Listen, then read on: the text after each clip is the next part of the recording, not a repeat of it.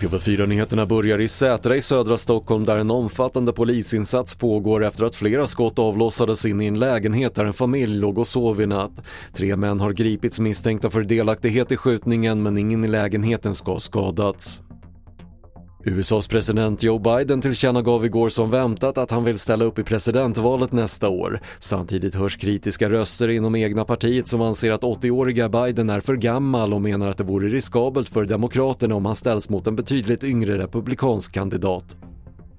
EU-parlamentet har nått en uppgörelse om grönare flygbränsle. Till 2025 måste minst 2% av bränslet vara fossilfritt och det ska sedan öka till 70% till år 2050. Från och med 2025 införs även en EU-märkning med resans förväntade koldioxidutsläpp per kilometer.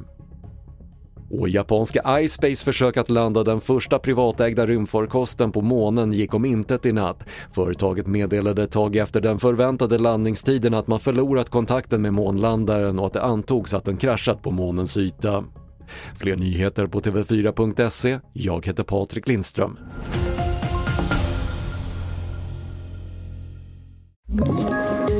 Ett poddtips från Podplay. I fallen jag aldrig glömmer djupdyker Hasse Aro i arbetet bakom några av Sveriges mest uppseendeväckande brottsutredningar. Går vi in med hemlig telefonavlyssning och, och då upplever vi att vi får en total förändring av hans beteende. Vad är det som händer nu? Vem är det som läcker? Och så säger han att jag är kriminell, jag har varit kriminell i hela mitt liv men att mörda ett barn, där går min gräns.